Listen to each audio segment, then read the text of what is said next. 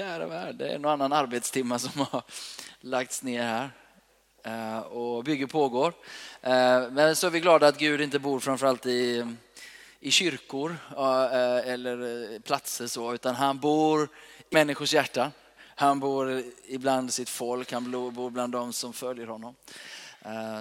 Paul, brorsa till den där, på gott och ont. 99 procent gott får jag säga. Eh, nej då, men vi, och, vi delar ju verkligen livet och ehm, eh, ringer inte varje dag men flera gånger i veckan. Och det är fantastiskt att få ha en brorsa som man kan dela livet med och, och dessutom få känna Gud tillsammans. Eh, det är en stor, stor förmån, hörru du. Eh, så är det, att vara här och se det som sker. Eh, gift med Therese och eh, eh vi, du har inte varit här heller? Första gången jag kommer till Linnékyrkan. Eh, så det är fantastiskt. Och vi har Caspian med oss och sen har vi två eh, små barn till. De är inte så små längre, men de är nio år. Eh, födda samma dag med två minuters mellanrum och eh, hemma med kusinerna och leker för fullt. Då. Um, så är det. Eh, vi ska, jag ska dela lite från Bibeln tänkte jag med er. Och, eh, just nu då så är vi ju som förestående par i Citykyrkan och vi tycker det är väldigt roligt och för varenda en som eh, åker eh, västerut. Eh, de, när jag berättade för dem i Citykyrkan att jo, Lovisa eh, eh, ska flytta till Göteborg. Jaha, ska hon göra det? Ja, och börja i Linnékyrkan. Nej, säger de, inte en till. Så, ehm, men eh, jo då, en till och, och gärna fler. Eh, och ehm, det, vi, det, men det är ju så, att vara med och stötta varandra. Så en dag så skickar ni folk upp till oss, eller hur? Eller hur? Ja, det måste vara dealen på något sätt här. så när vi står där eh, utan hjälp så finns en vän i Linnékyrkan, hoppas vi. Ehm, Johannes evangelium eh, börjar vi och eh, sen ska vi läsa lite i Apostlagärningarna tänkte jag. Och eh, det är första kapitlet.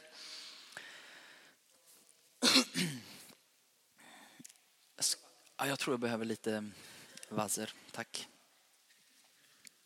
Schysst. Första kapitlet, vers 1, står det i begynnelsen så var det en högre makt. Och den högre makten var hos Gud och den högre makten var Gud. Det står så i min översättning i alla fall. Ordet står det nog i de flestas. Men ordet det var en eh, för tiden eh, förståelse av en högre makt kan man säga. Det var den tidens sätt att säga att ja, men jag tror på en högre makt. För det är faktiskt ganska många svenskar som kan förhålla sig till eh, Gud på det sättet. Men det fina är att vi kan faktiskt presentera den här högre makten inte bara som en eh, diffus kraft utan som en allra högsta grad personlig Gud. Eh, och det är ganska stor skillnad på de två sakerna. Men här var ordet, eller den högre makten var Gud. Det står att han var i begynnelsen hos Gud och allt blev till genom den högre makten. Och utan honom blev ingenting till som är till. Allt det osynliga och allt det synliga sätter den högre makten i, i rullning, igång. Han är ursprunget. Om du hoppar ner sen till vers 14 så står det att den högre makten, tack snälla, blev kött, blev människa, blev kött och blod och bodde ibland oss. Plötsligt kunde vi ta på honom. Han blev människa du kunde krama honom och bli kramad av honom. Han var inte längre en diffus makt högt upp i det blå utan i allra högsta grad. Ja men du var snällt, tack. Schysst. PK, Pastors Kid.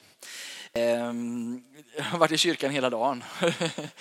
Eh, Gud beskydda honom. Ehm, och välsigna honom och så vidare. Eh, högre makten blir människa, han är krambar eh, och han bor ibland oss. Han är här. Och dessutom så ser vi någonting som är annorlunda med honom. Han har en härlighet. Det är någonting kring personen som vi vet är den högre makten, men som är krambar. Men det är någonting som tränger igenom, som författaren beskriver som härlighet, som fångar allas blick och förvåning och förundran. Vem är den här mannen egentligen? Om du läser Lukas evangelium så ställs den frågan, tror jag, nio gånger. Vem är han egentligen? Vem är han som tystar eller stillar stormen? Vem är han som förvandlar vatten till vin? Vem är han eh, som, som, som rör sig ibland oss som om han vore en av oss och, och ändå så annorlunda? Krambar men ändå du vet nästan inte riktigt vad du ska ha för relation till honom. Lärjungarna å ena sidan och å andra sidan. liksom. För du har Gud i en krambar person, men, men han är likväl Gud. Och allting som är till i det synliga och det osynliga har sitt ursprung i den här mänskliga varelsen. Krambar men så nära. Ordet var hos Gud, ordet var Gud och sen blir ordet människa. Um, och det står i vers 12 att alla som tog emot honom gav han rätten att bli Guds barn. Att de som tror på hans namn. För de är inte födda av, av blod eller mänsklig vilja eller kraft. Nej, de är födda av Gud. De som väljer att tro, de som väljer att ta emot. Någonting sker med de människorna. Någonting sker med de som väljer att luta sig in. Precis som du gjorde Roger. Den dagen, jag vet inte hur mycket du förstod egentligen. Men man får lära känna undan för undan. Men du väljer att luta dig in. Ida hon satt med alla sina frågor här uppe. Men någonstans så drar hjärtat inre, sin varelse, sin person. Han, denne Jesus, den högre makten i mänsklig gestalt, fångar oss på ett sånt märkligt sätt. Det är som att bli kär, eller? Det är liksom en dragningskraft som, är, som, som går bortanför all form av liksom intellektuell förståelse. Det bara dras. Det är nog den enda liknelsen jag kan jämföra jag kan göra med den attraktionskraft som Jesus har. Fånga vårt inre. Um, och de som väljer att tro, de som väljer att lita på, de som väljer att hålla tag i det här, det sker någonting med dem. Jesus säger att jag ger dem rätten att vara Guds barn. Jag ger dem samma ställning inför far som jag har, eller samma ingång, samma öppenhet inför Gud Fadern ger jag dem. Och eh, man skulle kunna berätta det här med, med eh, så här. Någon av er har säkert hört det här att Guds son, den högre makten hos Gud, blir en människoson. Alltså son av en människa så som du och jag kött och blod. Guds son blir människoson. Så att människors söner och döttrar, du och jag, kan bli Guds söner och döttrar. Evangelium, det goda, fantastiska budskapet är att Gud, Guds son, blir människoson, blir en av oss, krambar och gör det möjligt att var och en som väljer att ta emot honom får samma ställning som honom och vi blir Guds barn. Vår identitet är inte längre till en högre makt långt borta eller till ingen makt eller till slumpen eller till sig själv eller utan min identitet. Jag är ett Guds barn. Jag tillhör familjen.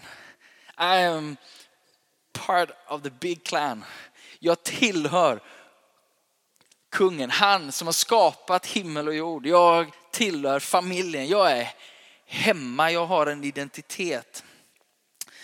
Ehm, och det är, det är evangeliet, det är att få göra den här övergången från att leva liv krampaktigt i sin egen hand och faktiskt välja att lita på och tro på att det han gjorde som människa för mig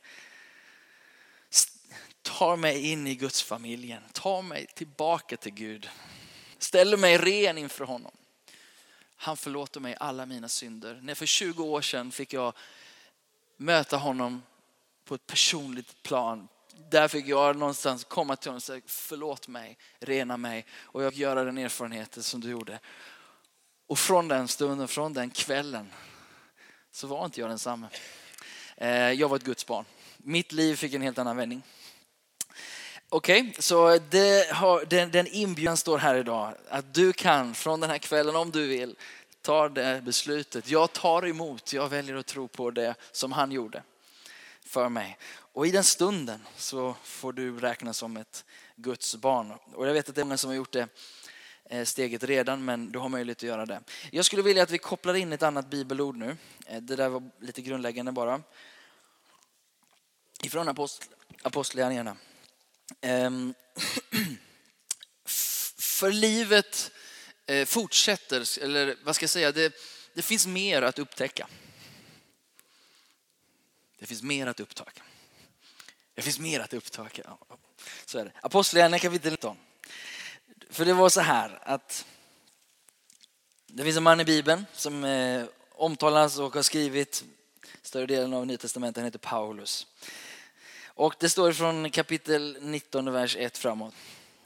Medan Apollos var i Korint kom Paulus ner till Efesos.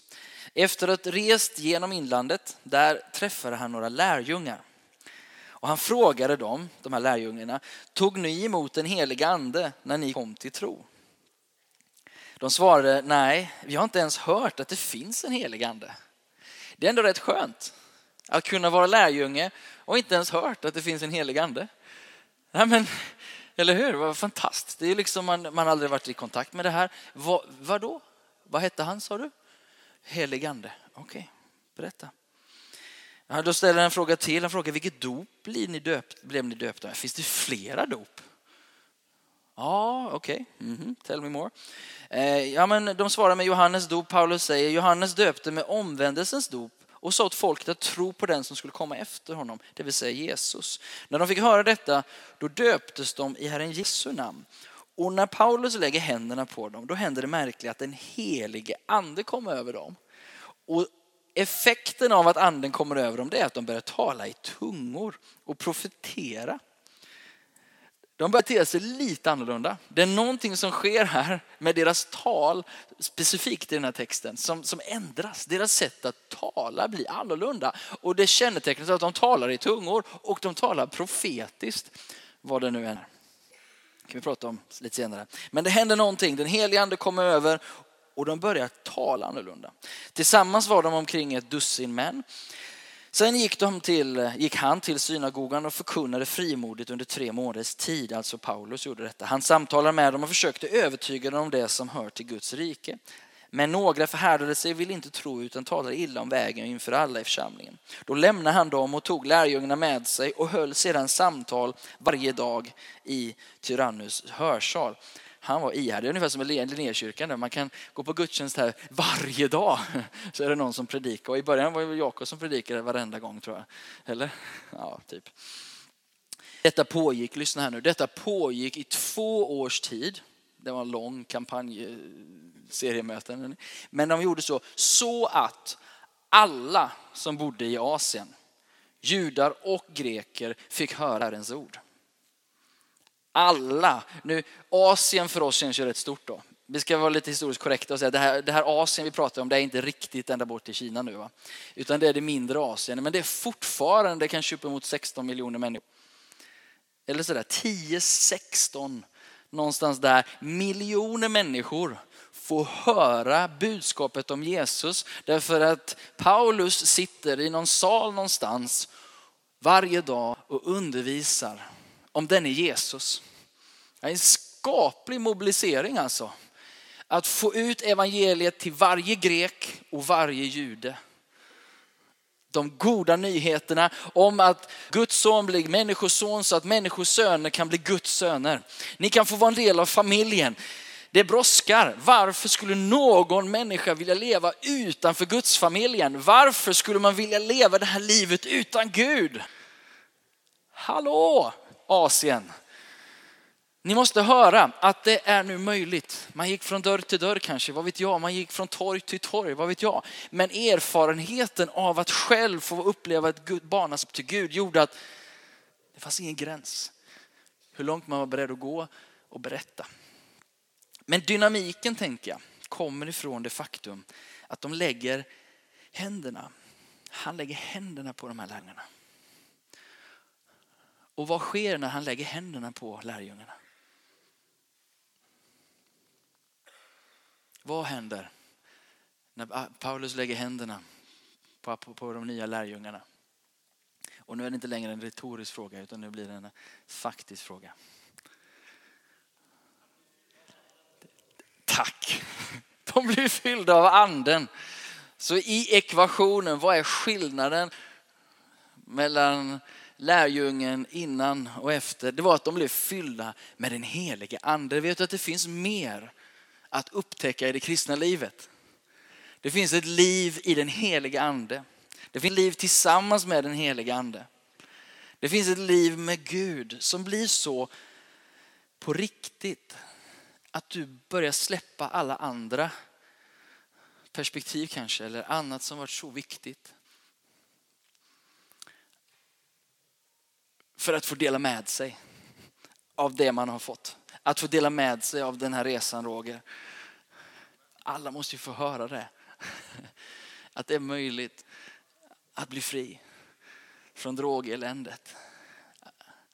Att inte behöva begränsa tillvaron av sitt eget intellekt Ida. Till exempel. Och för min egen del, som gärna gör det också. Men det finns ett liv i den helige ande som tar oss bortanför allt det där. Och det är inte ett begränsat introvert liv. Eh, men några saker jag skulle vilja säga här. Eh, tre saker. Ehm, varför det är viktigt att ställa sig den här frågan. Har du tagit emot den helige ande när du kom till tro? Gör man inte det per automatik då? Det verkar inte riktigt så. Inte om vi ska använda apostlagärningens berättelse, för den frågan återkommer. Det händer när, när Filippos går till um, Samarien. Då har de lärjungarna ännu inte tagit emot den helige ande. Och så är det fallet här också. Så det verkar som att vi kan faktiskt presentera berättelsen om Jesus på ett sådant sätt så att vi tappar en väsentlig del av livet med Gud. Jag skulle bara vilja säga tre saker som, som har med just vikten av att få möta med den helige ande. Att få bli fylld med den helige ande. Om du kanske är precis i början av resan av att förstå vem Jesus är eller om du är gammal i gamet. Men, men frågan är ändå berättigad. Har du fått ta emot har du blivit fylld med den helige ande? För jag kan säga att när jag var 17 år så blev inte jag frälst, om jag rent på nytt född. Utan jag skulle säga att jag blev påfylld på ett sånt sätt så att allt förändrades i mitt liv. Då hade jag en kristen uppväxt, precis som Jakob. Vi hade vuxit upp med söndagsskola allt, alltihopa. Men jag levde som om att han inte var på riktigt. Jag levde inte ett liv i andens kraft. Jag levde inte utifrån att hans verklighet var min verklighet. Men den dagen jag blev fylld med den helige ande, gosse alltså. Då var det som att vända ut och upp och ner på Paul. Och jag såg livet från ett helt nytt ljus. Det som var viktigt innan blev inte viktigt längre och tvärtom. Och på den resan har jag varit i 20 år nu. Och jag kan säga att det blir inte mindre och mindre spännande. Utan han tar oss vidare och vidare. Men tre saker då. För det första så, så, kan vi konstatera att det här barnaskapet som vi nu har pratat om inledningsvis. Om du går till Romarbrevet kapitel 8 så står det tydligt vad anden gör för och i oss. Från 8 och 15 så står det så här. Ni har inte fått slaveriets ande så att ni på nytt måste leva i fruktan. Om den heliga ande eller tron på Jesus blivit presenterad för dig på ett sådant sätt så att det upplevs som en tvångströja, om det upplevs som fruktan och ett religiöst ok, då är det inte sant evangelium och det är inte den helige ande. För den helige ande kommer med frihet. Ehm, så står det så här. Ni har fått barnaskapets ande. Och i honom så ropar vi Abba far. Som betyder käre det är den relationen vi genom den heliga ande nu har fått till Gud. Anden, lyssna nu, anden själv vittnar eller berättar, talar med vårt inre, vår ande, om att vi är Guds barn. Så varför frågan blir så viktig. Andrew, han är nytroende här. Det vet vi om.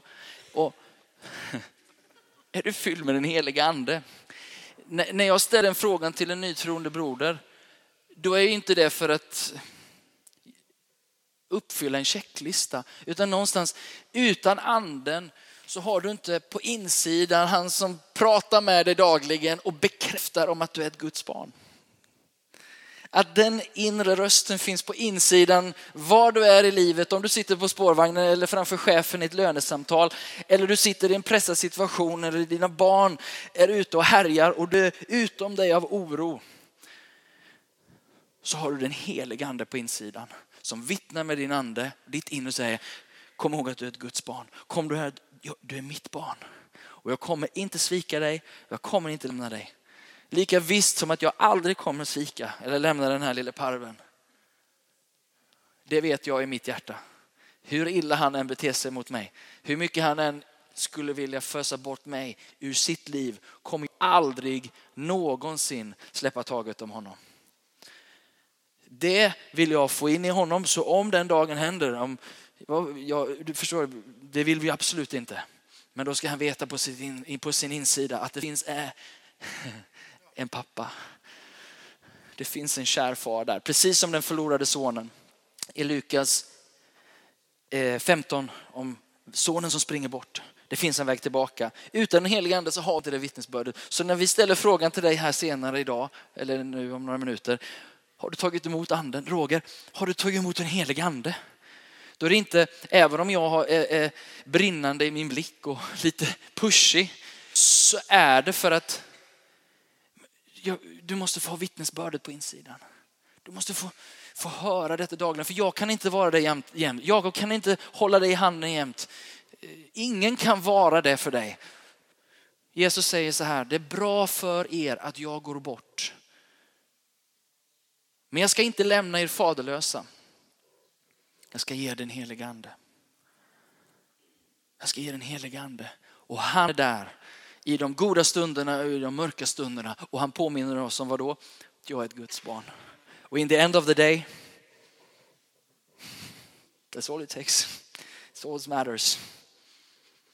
Om, om jag är med honom, du, du, kan, du kan slå mig gul och blå. Du kan hoppa på mig, du kan döda mig. In the end, jag är ett Guds barn.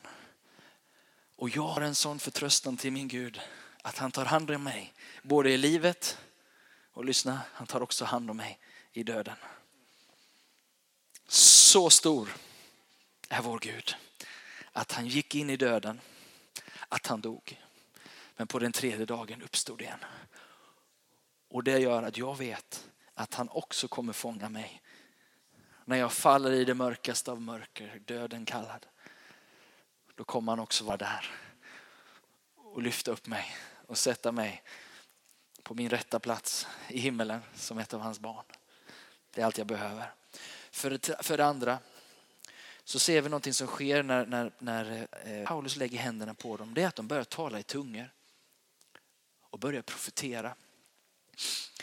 Det sker någonting som är liksom en kallar det en andlig manifestation. Det är ett yttre tecken av en inre förvandling. Och du vet hur väl din tunga och min tunga kan styra eller påverka en atmosfär. Vi kan tala liv i atmosfären eller så går vi in och äh, liksom bara klankar. Du kan komma in och du har en idé om någonting och så börjar någon bara och så förstörs den entusiasm eller det du hade. Ord har kraft i sig. Och när vi får möta med den heliga ande så förändras vårt tal. Och en del av det är att få tala i nya tungor.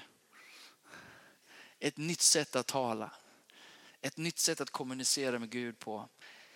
Ett hjärtespråk. Musik kan vara ett sånt språk som går bortanför talet, förståndet. Musik kan ta oss till platser där vi inte kan riktigt med ord beskriva, eller hur? Tungotalet är som ett andens musikaliska språk om du vill. Där mitt inre sjunger eller talar kärleksord till min Gud. Och det är så vackert. Och det är så berikande. Det är så energigivande. Och jag kan inte förklara det. Men det är på riktigt. Jag är ganska naturvetenskapligt lagd så jag har många gånger ifrågasatt det här. Men jag vet också att när jag praktiserar det, när jag gör det och det är på riktigt, när det inte bara är det där gör ingen skillnad. Bebisspråk har inte hjälpt någon. Men när den helige ande kommer över oss, om du vågar tro att han kommer med frihet, med glädje, han kommer med liv. Och vågar bara säga, ja, fyll med det. Och du får till och med röra vid min tunga. Du får till och med göra att jag talar profetiskt. Profetiskt är det tal som talar om kanske Herrens vägar eller vad han har på sitt sinne. Eller uppmuntran, tröst, uppbyggelse för en annan människa. Poängen är att förvandlingen när man tar emot en helig ande är så djupt att det till och med förändrar vårt sätt att prata. Och finner du en människa som är felfri i sitt, i sitt tal, då har du en felfri människa. Poängen är, vi behöver en helig ande. Och vi behöver den för att veta att vi är Guds barn. För det andra så behöver vi göra det som en andlig erfarenhet. Vi älskar kunskap, vi älskar att tala och ni vet att, jag, eller det som känner mig, ni, ni vet jag gillar undervisning, jag gillar att tala, förstå, prata om det som är, är sant. Och, men bortanför allt det vi kan förklara så finns det en andlig erfarenhet att göra tillsammans med Gud. Som igen för 20 år sedan förvandlade inriktning på hela mitt liv. Har du tagit emot den helige ande? Har du fått bli fylld med Gud? Tänk dig det. Tänk dig ett tillstånd i tillvaron där du får vara fylld av Gud. Istället för att vara fylld av synd, bråte, dig själv, oro, fruktan. Tänk att vara fylld med Gud. Vilken frihet! Han har inte gett oss slaveriets ok eller slaveriets ande. Han har gett oss barnaskapets ande. Ju mer andefylld du blir, desto mer som, jag använder Roger hela tiden nu, det är okej okay, han, han liksom, någonstans vill han bara ge en kyss till någon.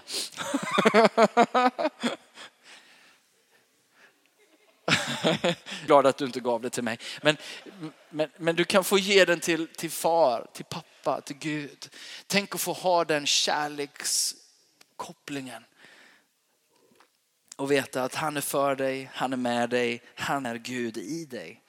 För det tredje så kommer han för att utrusta dig. Han kommer för att sprida talet om honom. Tänk att hela Asien på två år fick höra evangeliet. Fick höra de goda bud, det goda budskapet att Guds son blir människoson så att människors söner kan bli Guds söner. De fick kraft, handpåläggning. Jag vet inte varför det är formen. Men någon form får vi välja då, eller? Handpåläggning, någon lägger händerna. Ta emot en helig ande. En biblisk röd linje genom hela, hela Bibeln, att det sker så. När du kommer fram här och, och när jag eller någon annan har förebedjanden eller kan lägga handen på så, så tänker inte vi att vi har magi i våra händer, ingenstans.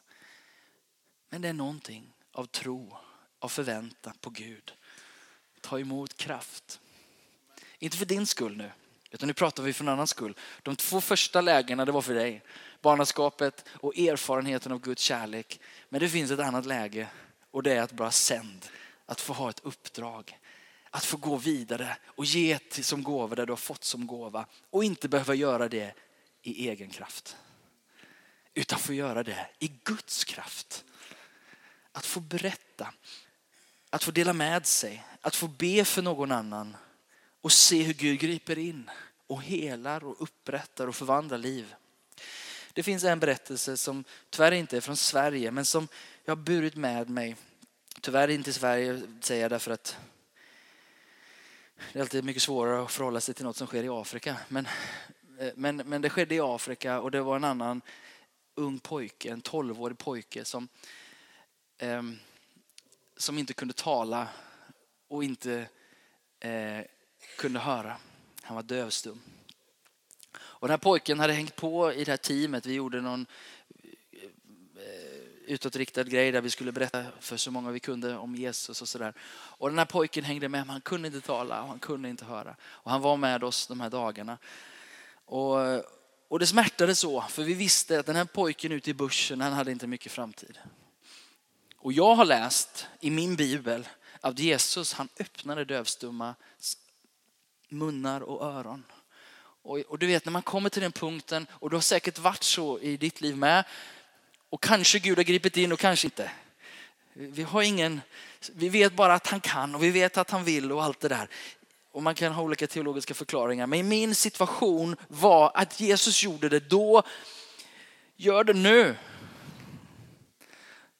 Och den här pojken kommer fram till mig för att få förbön. Och hur, jag känner mig så kraftlös som, du vet, vad ska jag göra med den här pojken?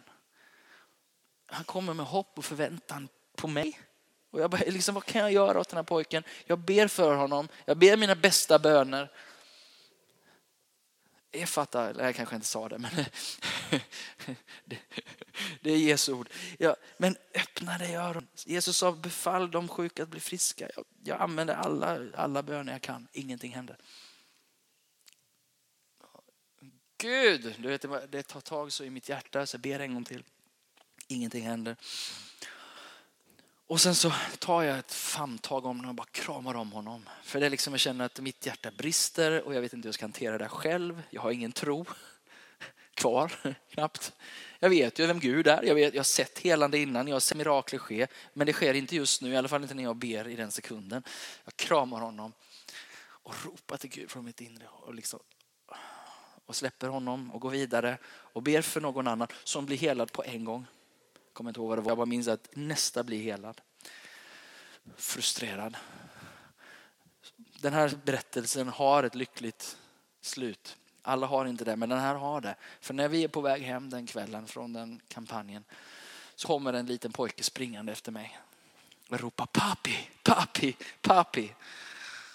För när jag har vänt mig bort från honom så börjar Gud göra någonting med hans läppar och hans mun och hans hörsel. Och han får hörseln tillbaka och han börjar prata för första gången i sitt liv. Och det är så underbart när Gud gör det och lika frustrerande när han inte gör det. Men om vi får bara titta på de här tillfällena, faktiskt Gud sänder oss i sin kraft för sina syften till en fattig pojke i Afrika och det sker. Halleluja! Uppståndelsekraften funkar liksom. Och jag tänker att så länge jag har några sådana här berättelser så fortsätter jag att be. Jag fortsätter att be. Jag tänker att de får tycka vad de vill om mig. Men om det är av kärlek och inte vi försöker visa upp oss på något sätt, men om vi drivs av kärlek för att se människors liv upprättade, helade, förändrade i hans kraft. Kan Paul det här? Nej. Kan du det här? Nej. Du behöver en helig ande. Har ni blivit fyllda med den heliga ande? Är Linnéakyrkan en andefylld gemenskap där människor blir andefyllda? Ja, det är det. Det här är en plats. Och vi kan inte knäppa på fingrarna, men vi kan be för dig. Och så får Jesus göra det. För det är han som fyller, döper i helande och kraft. Men du behöver ta emot honom först. Lite enkelt uttryckt så behöver glaset bli rent först och sen så fyller han dig. Ren blir du genom att fästa din tro till Jesus. Fylld blir du genom att se upp till honom och säga fyll mig med din kraft. Så att jag dagligen vet att jag är ett Guds barn. Att jag får en erfarenhet av din godhet och din kärlek. Och att du sänder mig. Övernaturligt naturlig är min vardag. Att representera dig tills hela Asien har hört om hans godhet. Amen.